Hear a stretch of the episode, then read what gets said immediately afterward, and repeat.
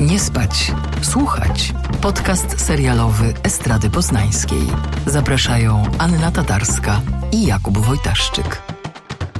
Dzień dobry Państwu. Witamy w 109 odcinku podcastu Nie spać, słuchać. Z tej strony Kuba Wojtaszczyk. A, z tej strony Anna Tatarska. Co tam, Aniu, u Ciebie? Jesteś zapracowana bardzo. Tak, mnie trochę słychać jak ze studni, bo ja tutaj rozpoczęłam sezon podróżniczy. Jestem właśnie na festiwalu Off Camera w e, Krakowie.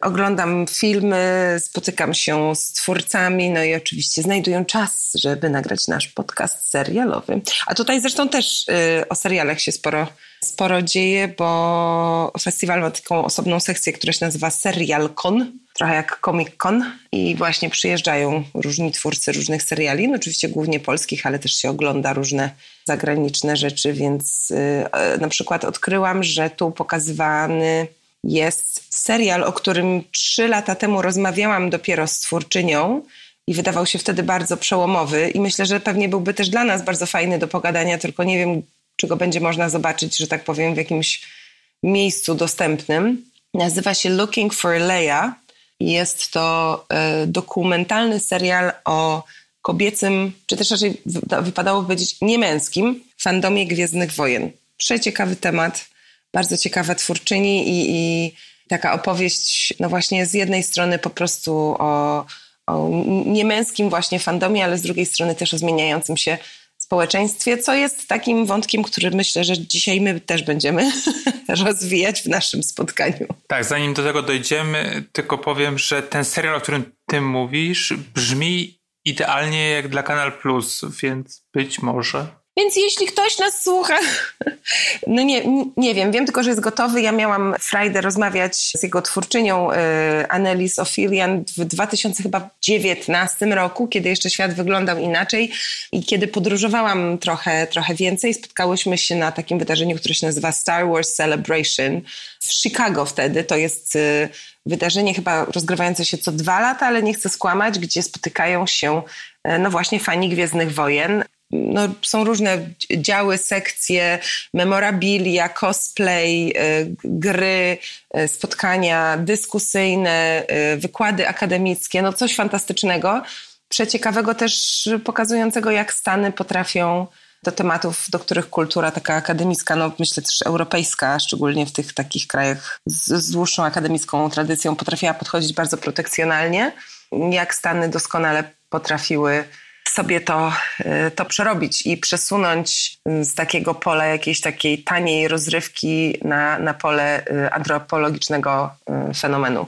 No to było naprawdę fascynujące doświadczenie być tam pośród 65-latek przebranych na przykład za Rey. Czy ty jesteś fanką Gwiezdnych Wojen? Nie. I też to, to, nie znaczy, że jestem antyfanką Gwiezdnych Wojen, ale na pewno nie jestem taką um, wyznawczynią właśnie, ale chyba po tamtym pobycie też i tych rozmowach zrozumiałam trochę więcej e, na ten temat i też bardzo ciekawie było obserwować, jak, jak w tym uniwersum Gwiezdnych Wojen swoją przestrzeń znajdowali ludzie, którzy mieli poczucie, że w reszcie kultury brakuje im takiego lustra, w którym się mogą przejrzeć. Często ludzie e, definiujący siebie przez jakąś inność, przez jakieś niedopasowanie że oni e, w tym świecie, który właśnie łatwo jest y, zredukować i powiedzieć, że to o, jakaś tam przygodówka, prawda, w ogóle bzdury, tutaj włochate potwory, jakieś, nie wiem, coś tam, że oni znajdowali w tym no, taki swój dom mm, zastępczy, można powiedzieć, i dawało im to ogromne poczucie przynależności, ale też szansę na budowanie społeczności. I też y, przepiękne było to, że, że ten, y, ten cały fandom w ogóle właśnie był taki niemęski, E, w takim stereotypowym znaczeniu, to znaczy mm, niepatriarchalny, nieszowinistyczny, wszystkie złe rzeczy, które się kojarzą jakoś tam z, z takim, powiedzmy, z toksyczną na przykład męskością, to tam tego nie było, tak? Na, na wielkiej celebracji e, właśnie Star Wars, gdzie przecież przyjeżdża bardzo dużo rodzin i też na pewno rodzin, nie wiem, republikańskich, absolutnie wpisane w oficjalny harmonogram było na przykład e, queer speed dating. No, więc Wszędzie wisiały, wisiały kartki, gdzie było napisane, że to jest bezpieczna przestrzeń, że tu nie można, nikt, nikt nie może nikogo e, obrażać, no, że absolutnie nie dla przemocy, ale też dyskryminacji w języku. Więc yy, naprawdę to było coś wyjątkowego. No właśnie, o takim połączeniu akademickości, popkultury, powiedzmy, opowiada nasz serial, o którym dzisiaj będziemy mówić, a mianowicie Minx, który od jakiegoś czasu jest do zobaczenia w całości na HBO Max. When back to school makes you feel like a fool, you too can snag a spouse. Find your thin within. This country treats women like second-class citizens. We're overlooked, underpaid, and overwhelmed. We deserve a magazine that inspires us. The matriarchy awakens. Why is she so angry? I believe I covered that in my presentation. No więc, Aniu, czy odważysz się steścić tenże tytuł? Jak uczennica w pierwszej ławce z ręką do góry już się wyrywam, bo bardzo mi się ten serial spodobał, co nie powinno nikogo, kto mnie zna, zdziwić, ale oczywiście. No dobrze, więc yy, mamy powiedzmy połowę lat 70. i poznajemy Joyce, w tej roli występuje Ophelia Lovibond. Ona jest stosunkowo mało znaną brytyjską aktorką, ale genialnie obsadzoną, uważam. No i Joyce, y, jako absolwentka prestiżowego Uniwersytetu Vassar, ma takie marzenie, mm, nad którym zresztą pracuje od, od dłuższego czasu, żeby stworzyć feministyczny magazyn, bo dodajmy, to jest oczywiście w Stanach moment mm, rozkwitu i coraz y, większego uznania dla drugiej fali feminizmu, jako też ruchu wywodzącego się właśnie ze środowisk akademickich i, i takiego analitycznego, y, kontestującego i dekonstruującego dominujące takie społeczne schematy i dynamikę. Magazyn Joyce y, ma się nazywać The Matriarchy Awakens, czyli Przebudzenie Matriarchatu i ona udaje się nawet z bardzo profesjonalnie przygotowaną prezentacją na takie targi, gdzie, mm, gdzie wydawcy mogą kupować nowe pomysły na magazyn. No i tutaj zdarzenie z twardą rzeczywistością, narracja, jaką ona przedstawia, czyli że spójrzcie na to, co mamy, tutaj baba gotuje, tutaj kura domowa, tego, to jest wszystko okropne, ja wam zaproponuję coś innego. No jakby nie spotyka się ze zrozumieniem, ponieważ y, surprise, surprise, po drugiej stronie, stronie decydującej i wykładającej pieniądze, siedzą mężczyźni, dokładnie przez taką kulturę ukształtowani i akceptujący ją w sposób no, pełny, nie zadając żadnych pytań, nie kwestionując jej, uważając, że wręcz jest to jedyny właściwy sposób, jak to ma wyglądać. I e, tam też Joyce spotyka e, no, osobę, która się w jej życiu stanie bardzo ważna. To jest e, Doug, w tej roli genialny Jake Johnson. Doug też jest wydawcą tylko innych magazynów, ponieważ DAG wydaje magazyny porno. W Stanach e, w tamtym okresie, zresztą też jak się przyjrzymy historii kina, to był taki czas, kiedy seksualna rewolucja nabierała siły i oczywiście nabierała siły właśnie w dyskusjach akademickich, ale też formą jej ekspresji. I pamiętajmy, że dziś inaczej postrzegamy może porno, prawda? Ale wtedy to był taki kanał wyrażenia wolności seksualnej, a nie opresji prawo do mówienia o swoich potrzebach, prawo do powiedzenia, że seks istnieje, że kobiety też chcą uprawiać seks, to, to było coś, coś przełomowego. No i Doug y, jest zainteresowany projektem Joyce, ale powiedzmy, że ona ma pewne wątpliwości, bo nie wyobrażała sobie tego magazynu jako mm, magazynu z gołymi panami. No ale tutaj long story short, y, ostatecznie jednak zadzierzguje się między nimi współpraca. Tak powstaje magazyn Minx, Dodajmy, y, ta historia jest y, zakorzeniona w rzeczywistości i wiele, y, wiele tych wątków, tych wydarzeń, czy też elementów, które potem budują ekranowe postaci, jest prawdziwych, natomiast nie jest to jeden do jeden oddanie jakiejś konkretnej historii. No i serial przygląda się turbulencjom towarzyszącym powstawaniu i potem wydawaniu tego magazynu, który no, z jednej strony jest magazynem na przykład bardzo trudnym w dystrybucji, Tutaj nie chcę za dużo mówić, bo uważam, że to jest bardzo zabawny i taki mm, ciekawy wątek. Powiedzmy, że nawet półlegalnym, jeśli chodzi o, o, o, pewne zawarte w nim, e, w nim treści. I Doug no nie jest tylko takim poważnym wydawcą, ale też takim trochę pół, półmafiozem, który się umie dogadać z każdym i posmarować odpowiednią rączkę, żeby, żeby było jak było. Ale też to jest bardzo ciekawa podróż dla Joyce, która w biurze e, poznaje między innymi Bambi, e, którą gra Jessica Lowe. Bambi jest taką playmate, którą poznajemy w momencie jej takiego parafeministycznego przebudzenia, a na pewno rozwoju, e, większego rozwoju samoświadomości. Pojawia się tam e, w tle też e, Tina. Tina jest sekretarką Daga, od lat pewnie powinna mieć dużo większe stanowisko, ale okazuje się, że nawet w tym bardzo wyzwolonym środowisku pewne takie właśnie patriarchalne, opresyjne schematy, nieuświadomione, ale istnieją i mają, mają się dobrze. I ważną postacią serialu jest też Shelley. Shelley to jest siostra Joyce, e, grają Lennon Parham. Shelley jest, e, myślę, po czterdziestce, ma troje dzieci, taki pewnie biały domek jej mężem jest Lenny, grany przez Richa Somera, którego pamiętamy e, między innymi z Madmenów. No ale coś u Shelley nie gra, prawda? Coś, coś jest nie tak, czegoś jej brakuje. I to pojawienie się, takie wkroczenie w ogóle niezapowiedziane w pewnym sensie w życie, no szczególnie Shelley i Joyce, seksu, bo Bambi, Doug czy Tina, no to funkcjonują w tym środowisku już od dawna, ale wkroczenie seksu, seksu um, zamkniętego w pudełku, które wcześniej kojarzyło im się z czymś brudnym, czy też niegodnym, no na pewno niegodnym absolwentki Wasar, prawda?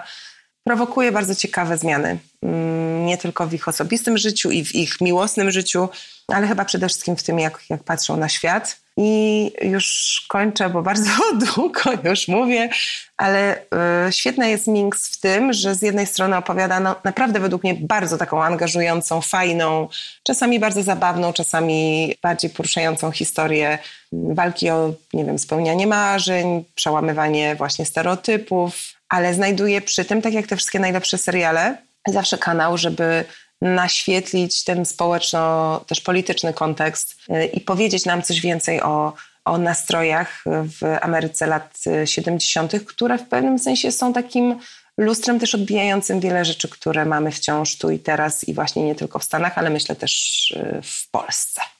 Zanim zacznę mówić moje zdanie na temat serialu, chciałem powiedzieć, że moi sąsiedzi właśnie wiercą, więc e, przepraszam za to. Ale ja pozdrawiam sąsiadów, bo, bo zastanawiam się, na ile nasi, e, nasi słuchacze się zorientowali, ale ja dzisiaj mam ten komfort, że tutaj nagrywam z ciszy, mam nadzieję, to się okaże, e, krakowskiego hotelu. Natomiast od marca u mnie w domu również trwa remont i młoty pneumatyczne, nie tylko pies, ale młoty pneumatyczne, nie raz, nie dwa, grały nam w tle piękną muzykę, więc rozumiem cię, mój drogi. Wracając do Minx. Ma ten serial bardzo dobry pierwszy odcinek i sam pomysł fabularny. Z tym się zgodzę. Bardzo podoba mi się to, że Joyce musi spuścić z tonu i przedstawić czytelniczkom, tudzież czytelnikom, coś takiego, co teraz byśmy nazwali popfeminizmem, czyli po prostu spuszcza nieco powietrza z takich bardzo feministycznych, e, bardzo poważnych feministycznych zagadnień, żeby trafić do szerszego grona odbiorczyń.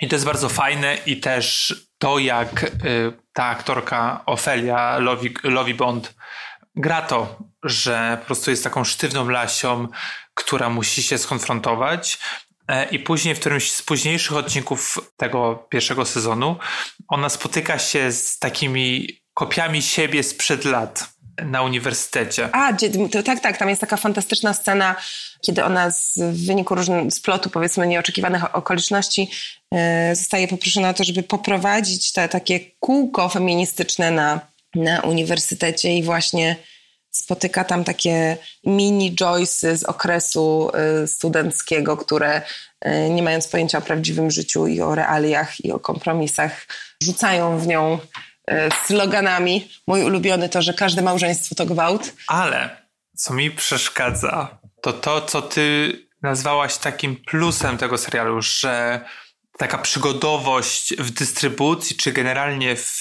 w rozprzestrzenianiu Minksa, tego magazynu, do czytelniczek i czytelników, mnie przypominało, wiesz, Scooby-Doo, że po prostu w każdym odcinku jest trudność, którą bohaterowie i bohaterki muszą pokonać, żeby dotrzeć z punktu A do punktu B. I to trochę jakby kasowało mi e, całą fabułę poszczególnych odcinków. I wytrącało mnie trochę tak, z takiego z takiej narracji, że każdy odcinek jest trochę zamkniętą fabułą.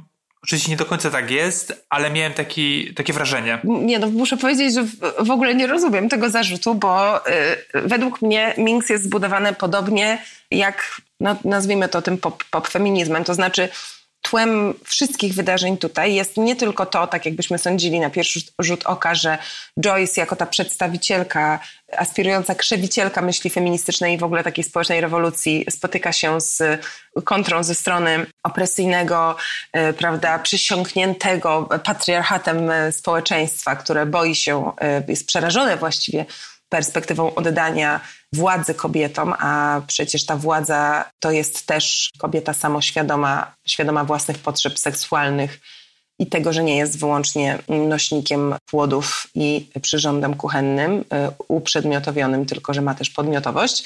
Ale że drugą taką płaszczyzną tarcia jest tutaj właśnie ten feminizm akademicki i no taki feminizm, nazwałabym go użytkowy, życiowy.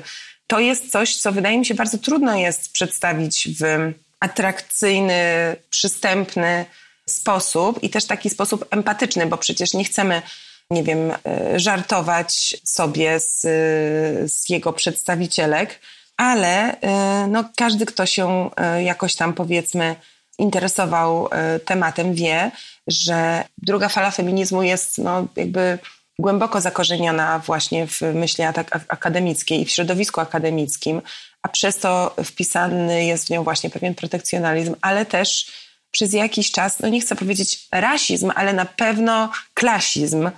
Bardzo długo skupienie badaczek feminizmu w, w, tym, w tamtym okresie, czyli gdzieś tam od, od lat 60. przez lata 70. jeszcze do połowy lat 80., bo przecież na przykład ten termin female e, gaze e, skonstruowany jako opozycja do phallic gaze to jest 85 rok. Cała ta dyskusja właśnie o oddawaniu kobietom głosu, nadawaniu im należnego miejsca, tak sprawczości, rozgrywała się w pewnym sensie, w sensie w odcięciu na przykład w ogóle od tematu rasy, szczególnie w Stanach. Ten feminizm był bardzo biały. Gdzieś w tekstach wokół Minks, e, nie wiem czy to nie Elena Rapoport, twórczyni Minks, mówiła, że miała takie wrażenie, że to było na zasadzie najpierw my sobie załatwimy swoje sprawy, a potem się ewentualnie zajmiemy kwestią rasy. Więc dla mnie to wplatanie tych jakby społecznych kontekstów w formie jakby takich fizycznych problemów, które bohaterowie muszą przekroczyć, jest absolutnie zrozumiałe, bo, bo jest ich wiele, tak jakby chociaż właśnie mm, jeśli chodzi o dystrybucję, to tam jest problem z, z jednej strony z mafią, z którą częściowo musi współpracować przy rozwożeniu magazynów DAG, a z drugiej strony z panią lokalną, nie wiem, senator, czy tam kim ona jest, która jest oczywiście taką republikanką ze Spiżu, chroniącą prawda, naszych, naszych amerykańskich wartości i oczywiście w te wartości się seks nie wpisuje. Nie widzę trochę innego sposobu, żeby o tym opowiedzieć, tak żeby było ciekawie. Tym bardziej, że mam wrażenie, że zrobienie z tego właśnie jakichś takich przeszkód, fizycznych przeszkód do, do, do, do pokonania, tak, rzeczy, które wpływają na czas, na logistykę, mm, na możliwości finansowe, bohaterów i jakby się materializują w, w, ich życiu, to jest y, jakby znalezienie takiego adekwatnego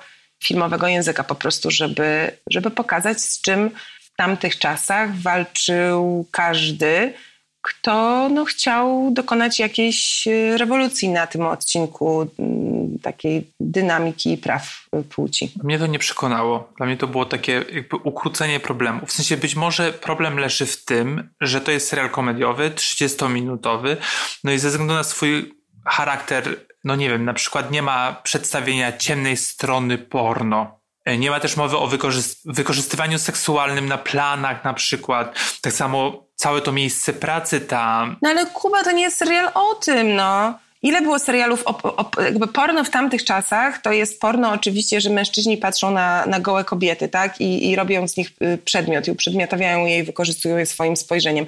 Ale to właśnie nie jest serial o tym. Jak oni by teraz się zaczęli w Minx, który jest o czymś całkiem innym w moim odczuciu, y, zaczęli się zagłębiać w kwestie y, dynamiki władzy w obrębie przemysłu porno, którego Minx w pewnym sensie nawet nie jest jednak częścią, on się tylko tam z nim zazębia, to by było tłumacz, no. Masz Bambi. Bambi jest, jest o tym, o czym Daj mówisz. mi skończyć. To był tylko przykład, że mamy 30-minutowe odcinki, które są komediowe, więc o wszystkim nie mogą powiedzieć.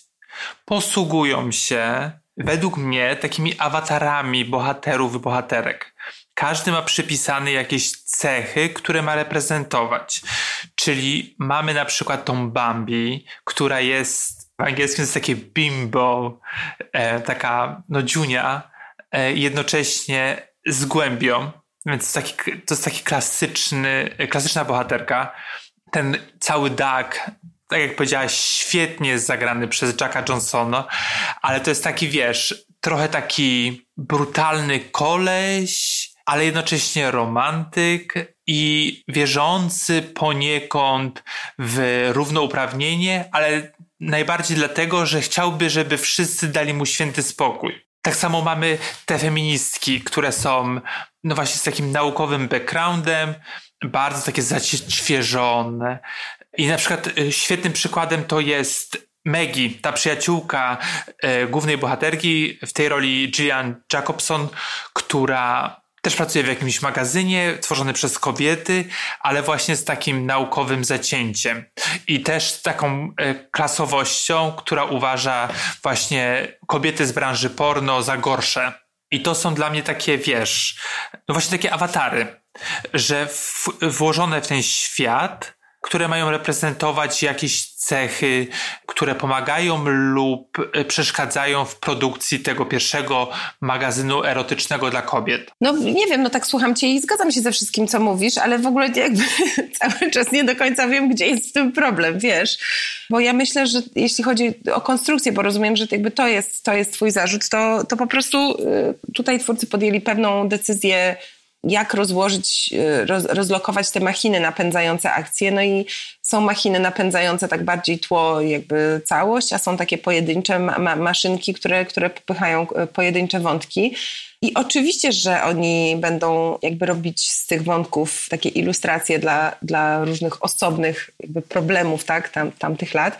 No ale tak jak mówię, mi to w ogóle, w ogóle nie, nie przeszkadza, nawet nie, nie zwróciłam na to uwagi, bo, bo ten komediowy ton tutaj działa jako takie narzędzie dekonstrukcji absurdów. To znaczy, z perspektywy czasu, y, z wiedzą, którą mamy dzisiaj, możemy sobie oglądać Minx i śmiać się z niektórych rzeczy, ale też niektóre rzeczy y, myślę, że mogą nas zawstydzać. I w ogóle nie mówię na przykład o nagości, której w tym serialu jest bardzo dużo, jest to w większości nagość y, męska, co wydaje mi się w ogóle bardzo ciekawym eksperymentem, ale o tym za chwilę, ale mm, że zawstydza nas na przykład bezmyślność pewnych e, zachowań, które zostały bardzo głęboko wdrukowane przez kulturę, nawet osobom, które chciałyby się identyfikować jako te postępowe i nieulegające presji, albo całkowita nieświadomość lub niska świadomość tego, jak bardzo sprawczy i stwórczy jest język i używanie w obrębie tego języka właśnie nie, niewłaściwych, nacechowanych, szkodliwych i obraźliwych zwrotów. Tak? To, to, to widzimy na przykład w scenie, kiedy Joyce idzie do radia, żeby porozmawiać z takimi dwoma prowadzącymi. Oni mają taki właściwie uber toksyczny męski show i, i, i, mówią na antenie rzeczy, które no z dzisiejszej perspektywy nie tylko by im zaowocowały jakąś bardzo wysoką karą, ale po prostu by ich totalnie skancelowały, tak? Ale wtedy to właśnie było, to było na porządku dziennym i to było akceptowane, żeby się, nie wiem, śmiać z kobiety i dyskredytować ją, sugerując, że na przykład zachowuje się tak, bo nikt jej, y, uwaga, brzydkie słowo, porządnie nie wyruchał, nie? To są rzeczy, które dzisiaj się dzieją w internecie, na forach, gdzie ludziom się wydaje, że są bezpieczni i nikt ich nie pozna, nie rozpozna, nie zidentyfikuje i mogą mówić, co chcą. I, i, i ten hejt yy, na przykład często w stosunku do Instagram, instagramerek, blogerek, influencerek, głównie kobiet, cały czas jest ten sposób e, kształtowany, to znaczy jakby seks jest tutaj takim negatywnym narzędziem i jeśli ktoś mówi coś, co się nie zgadza z jakąś tam linią czy poglądami innych, to właśnie zaraz jest sugerowane, że to wynika z braku seksu, z tego, że ktoś jest brzydki, nieatrakcyjny seksualnie, niespełniony seksualnie, więc e, bardzo ciekawy wątek, bo on właściwie cały czas e, istnieje, tylko się przysunął, można powiedzieć, w trochę inną przestrzeń. Ale mi się wydaje, że to zawstydzanie widza to jest trochę taka strategia świadoma twórców tutaj, i właśnie jakby się przyjrzeć też y, temu pokazaniu na gości, no bo y, my też nie mówiliśmy o tym jeszcze, ale Minx, nie wiem czy, czy jest na pierwszym miejscu, ale wydaje mi się, że bije rekordy, jeśli chodzi o ilość penisów na ekranie. Z euforią się ściga. No myślę, że euforia mniej, naprawdę. Tak, tak, tak, na pewno. Jeśli chodzi o nagość w ogóle, to, to, to, to, to można byłoby oczywiście, ale, ale po prostu bardzo to jest zabawne że ogląda się serial o tych latach 70., y, gdzie no właśnie tym nowością ma być to, że tam nago pozują mężczyźni i to nie są tylko takie pozy domyślne, prawda, że że oni tam pośladki z tyłu, tutaj mocne ramiona, czy tam, czy tam coś, tylko po prostu są też normalnie zdjęcia miejsc intymnych, tak jak fotografuje się kobiety, tak, że tutaj jakby jest podkreślane to, że chodzi o to, żeby była symetria, że, że to jest takie mm, odzyskiwanie e, czegoś, co zostało y, jakby zabrane y, przez taką męskocentryczną kulturę. To trochę tak jak...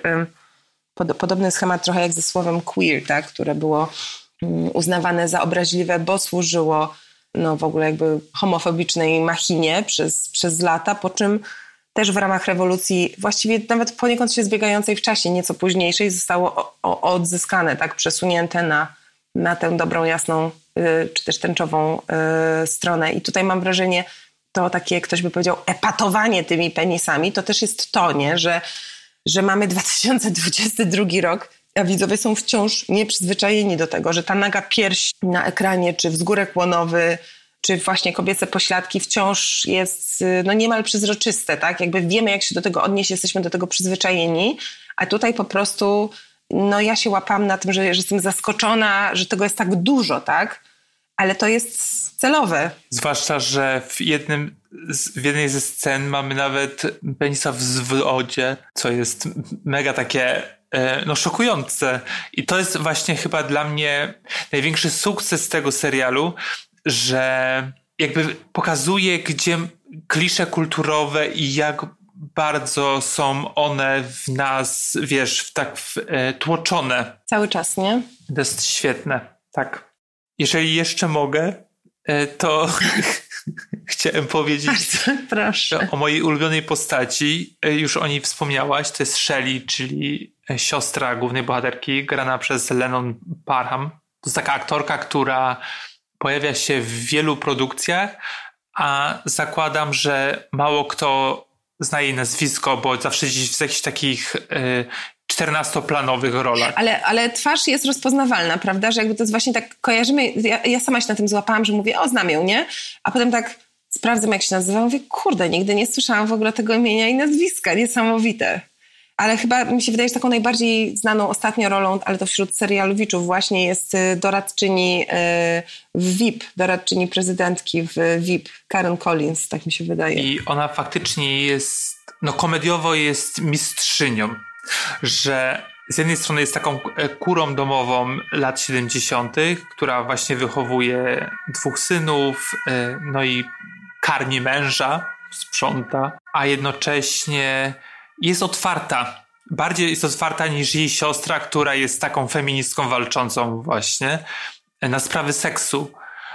I to było świetne, zniuansowane. I właśnie nie we wszystkich postaciach to się pojawia, to, to niuansowanie, taka głębia. I na przykład ta aktorka jest no właśnie świetnie komediowo, że wiesz, masz taką scenę, że wchodzi do swojej siostry do mieszkania z koszyczkiem wielkanocnym, to chyba w pierwszym odcinku, i pokazuje jej ten koszyczek wielkanocny i mówi: Stworzyłam wielkanocnego diabła. Taką postać wymyśliłam e, i też jestem kreatywna, nie tylko ty. I to jest to, to jak ona wypowiada te słowa, które były lub nie były w scenariuszu, no jest fenomenalne. I to jest, to jest dla mnie taki największy um, sukces, że gdzieś wygrzebuje ten serial e, postaci, aktorki, aktorów, których znamy, ale no nie, nigdy nie były w takiej, wiesz, na pierwszej linii frontu aktorskiego. A tutaj właśnie gdzieś tam to się odnajduje. Tak, nie, tu w ogóle jest właśnie bardzo dużo ciekawych decyzji obsadowych, takich nie, nieoczywistych. Nie ma tu właściwie nikogo, kto jest taki bardzo znany. Będziemy raczej kojarzyć właśnie twarze niż nazwiska, mm, ale myślę, że wszyscy się świetnie sprawdzają w, w tych swoich rolach. I, i, I, to, co powiedziałeś właśnie o, o Shelley, tak, że, znaczy serialowej Shelley, to jest, to jest takie symptomatyczne dla, dla Minx i coś, co mi osobiście się bardzo podoba, czyli że tutaj został zrobiony taki mix, myk, przepraszam, że bohaterowie są w pewnym sensie w momencie wyjściowym ilustracjami pewnych test czy też stereotypów, które kojarzymy z tamtym czasem. Tak jak powiedziałeś, ona jest y, kurą domową na przykład, tak, matką, dzieciom, karmicielką, czyli właściwie spełnia idealnie tak ten konserwatywny stereotyp y, no jakby kobiety, która służy, służy temu, żeby mężczyźni mogli mieć czas na rzeczy większe, bardzo mocno wtedy zakorzeniony. Przecież ten sam, z którym walczy, walczy Joyce. Joyce z kolei jest y, no, jakby feministką, świadomą tutaj opresji i korozji dominującego systemu. Tylko, że wystarczy, że minie tam ten odcinek czypu, już się okazuje, że zawsze jest drugie albo trzecie, trzecie dno. I podoba mi się, że ten serial z takim luzem i, i pewną ironią właśnie po, po, podchodzi do wartościowania tych stereotypów, bo Mam wrażenie, że do tej pory w, w, postrzeganiu pewnych właśnie stereotypów mamy taką jakąś nawet nie do końca uświadomioną tendencję, żeby jedno uważać za bardziej wartościowe, inne za mniej. To znaczy ta kura domowa, prawda, to prychamy, bo to jest jakby ta kobieta jeszcze przed wyemancypowaniem i w ogóle pch, tutaj, a Joyce, prawda, absolwentka doskonałego uniwersytetu, prawda, tej rewolucjonistka chcąca ulepszyć społeczeństwo, ale i Shelley w swojej takiej dość jałowej egzystencji okazuje się być osobą po prostu bardzo mądrą i bardzo inteligentną emocjonalnie i też bardzo złożoną, ale też Joyce momentami okazuje się być na przykład bardzo niedojrzała i zaskakująco pruderyjna w kwestiach, powiedziałabym, praktycznych, tak? To znaczy okazuje się, że można mówić o wyzwoleniu kobiet spod opresji, jednocześnie będąc, no myślę, 30-parolatką, która miała jednego partnera i drży na samą myśl o tym, że Y, mogłaby y, uprawiać seks poza małżeński, tak, czy tam poza y, oczywiście monogamicznym związkiem, a na pewno nie w innej pozycji niż misjonarskiej i po, po ciemku. Więc to jest, to, jest, to jest bardzo fajne, bo o tym, że Bambi się okazuje być no może nie intelektualistką, ale w pewnym sensie tak. Życiową intelektualistką. Tak, to jakby to już mówiłeś, więc tutaj każda postać dostaje takie jak to się mówi, taki reality check, e, który nam pozwala potem e, podglądać ten ich rozwój i jakby ich takie użyciowienie, tak, że oni nie zostają takimi stereotypowymi postaciami z, z jakiegoś plakatu, tylko po prostu dostają, dostają swój charakter. A oczywiście to, że to się dzieje wiesz, w komediowej konwencji, to, to jest jedno.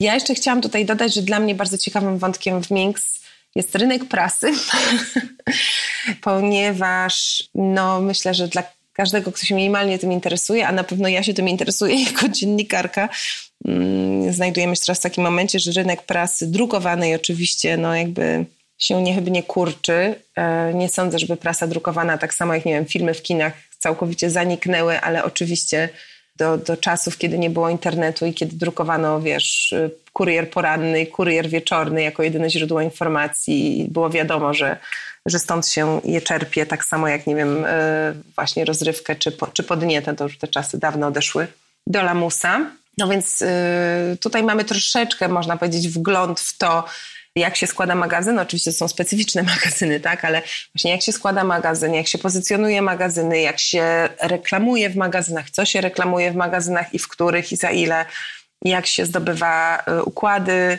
e, umożliwiające potem e, sprawną dystrybucję, a jak już magazyny dojadą do, do kiosku, czy też tam do, do, do sklepu, bo to często są półki w takich sklepach typu sklep przy stacji benzynowej, czy, czy tam sklep z alkoholem, to, to jak, jak są rozkładane, co jest na górze, co jest na dole, a co jest pod ladą, a dlaczego i tak dalej. Więc dla mnie to też był taki smaczek, który jakoś mi bardzo e, sprawiał dużą radość. Zwłaszcza to, jak ten magazyn wygląda, jest przepięknie graficznie ułożony, może tak.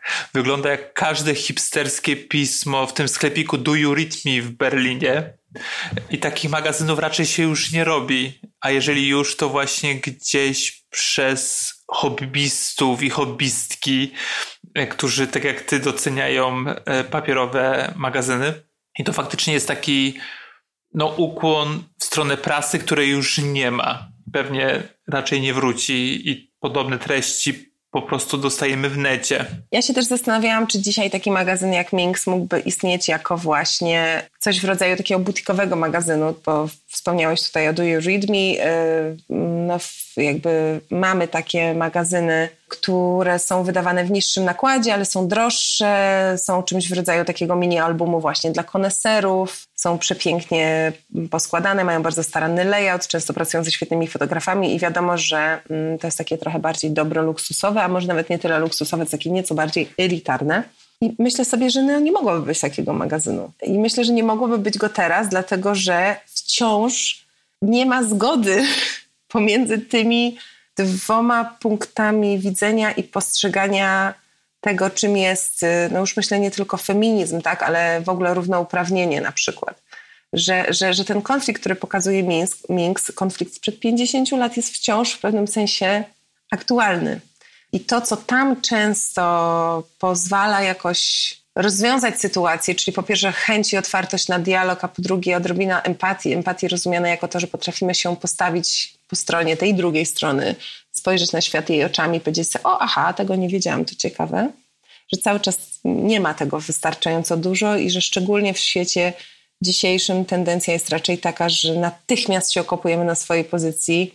Moje jest mojsze, więc, więc magazyn, który z jednej strony jakby uprzedmiotawia ciało, tak, i robi z niego obiekt no jakby do, do uciechy, a z drugiej strony próbuje mieć przesłanie, które właśnie idzie w stronę równouprawnienia i demokratyzacji i tak dalej, i tak dalej. Mi się wydaje, że to by był wciąż nie do zrobienia. No tak, i te wszystkie feminizmy, queery i tak dalej, to z czym się dzisiaj spotykamy, to cały czas jest gdzieś to na takim levelu akademickim i trudno z tym wszystkim dotrzeć pod strzechy, ale też dlatego, że osoby, które wypuszczają takie treści, no nie do końca chcą tam trafić. Znaczy mówią, że chcą, ale jednocześnie przez ten swój intelektualizm i taką wyższość no jest im trudno to zrobić po prostu. Ja zawsze jak słyszę o kolejnej kontrowersji typu feministki terwki na przykład, w sensie, czyli trans, transfobiczne feministki, czy tam transfobiczny feminizm, to zawsze mam tak, mówię, przecież kurde, po prostu nikt poza nami nie rozumie, o co w tym chodzi, nie? Że cały czas żyjemy w świecie, który no oczywiście został y, ogromnie przeorany i, i, i przetransformowany przez, nie wiem, właśnie ruchy, ruchy obywatelskie i drugą falę feminizmu i rewolucję seksualną i wiele rzeczy się w nim zmieniło, chociaż niestety nie wszędzie, ale że wciąż jakby te problemy, o których właśnie mówi Minks, że one, że one są i ten taki elitaryzm, klasizm w pewnym sensie, on przyjmuje różne, różne wcielenia, że on też jest cały czas, e, cały czas bardzo obecny. No i jasne, że łatwo jest potem mówić, że o, naród to idioci tam, prawda, i tak dalej, ale może jednak lepiej jest się zastanowić, dlaczego na przykład większość społeczeństwa głosuje na partię, która właściwie dość oficjalnie i otwarcie pokazuje, że nie wiem, kwestia praw człowieka tak, czy wolności prasy jest jej obca. I z czego to wynika? I że może ktoś coś dostrzegł takiego w języku i w potencjale komunikacyjnym, co działa. I może przydałoby się to przygarnąć dla, dla tej słusznej sprawy, a nie tylko po prostu siedzieć na tle swojej bogatej biblioteczki, popijając y, wino y, naturalne i sapać pod nosem.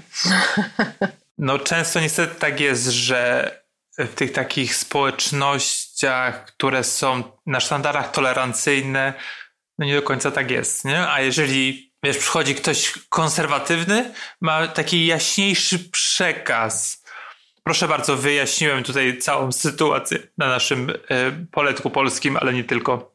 No dobrze, Aniu, to może kończmy już tę dyskusję. Tylko chciałem jeszcze dodać, że ten serial dosyć ciekawie prezentuje się na tle dwóch innych, które dzieją się mniej więcej w tym samym okresie, czyli Kroniki Times Square i to jest taki serial Maggie Gyllenhaal o branży porno bodajże w Nowym Jorku i jeszcze mamy przecież Mrs. America z Kate Blanchett i plejadą innych aktorek, które również mówią o feminizmie drugiej fali w dosyć ciekawy spokój, więc takie można sobie zrobić taki potrójny wieczór z e, feminizmem. Nie no, to musiałby być tydzień z feminizmem, wiesz, bo to jeden wieczór to się nie da, ale, ale fajnie, że zwróciłeś na to uwagę, bo rzeczywiście mam wrażenie, że te tematy są coraz chętniej poruszane, tak jakby y, finansujący produkty y, rozmaite filmowo-telewizyjne już tak bardzo nie bali bo przez lata była lista tematów, które się po prostu nie sprzedają, nie oglądają i ludzie tego nie chcą. To prawda. A teraz się okazuje nagle, że y, można robić seriale y, o emerytach. Patrz Grace and Frankie. Albo seriale o feministkach. I że jest to całkiem, y, całkiem spoko, więc podoba mi, się, mm, podoba mi się ten kierunek. No dobrze. To dziękuję Ci bardzo. Do usłyszenia za tydzień. Do usłyszenia za tydzień, kiedy to yy, zostaniemy, no co, bossami yy, takimi policyjno-mafijnymi, jak sądzę, nie? Ja pierwszy. Ty najpierw? Tak, ja mogę być bossem. Okej. Okay. Ja, ja mogę być sze, sze, szeregowym, czy tam czymś nie ma problemu. Jestem, nie, nie, nie, nie do końca wspieram jakby kwestię broni, więc yy, będę musiała się jakoś powoli wczuć, tak, ale będziemy, będziemy w klimatach takich gangstersko-policyjnych dla odmiany. to do usłyszenia. Na razie, dzięki. Nie spać, słuchać. Producentem podcastu jest Estrada Poznańska. Wszystkie odcinki znajdziesz na estradapoznań.pl.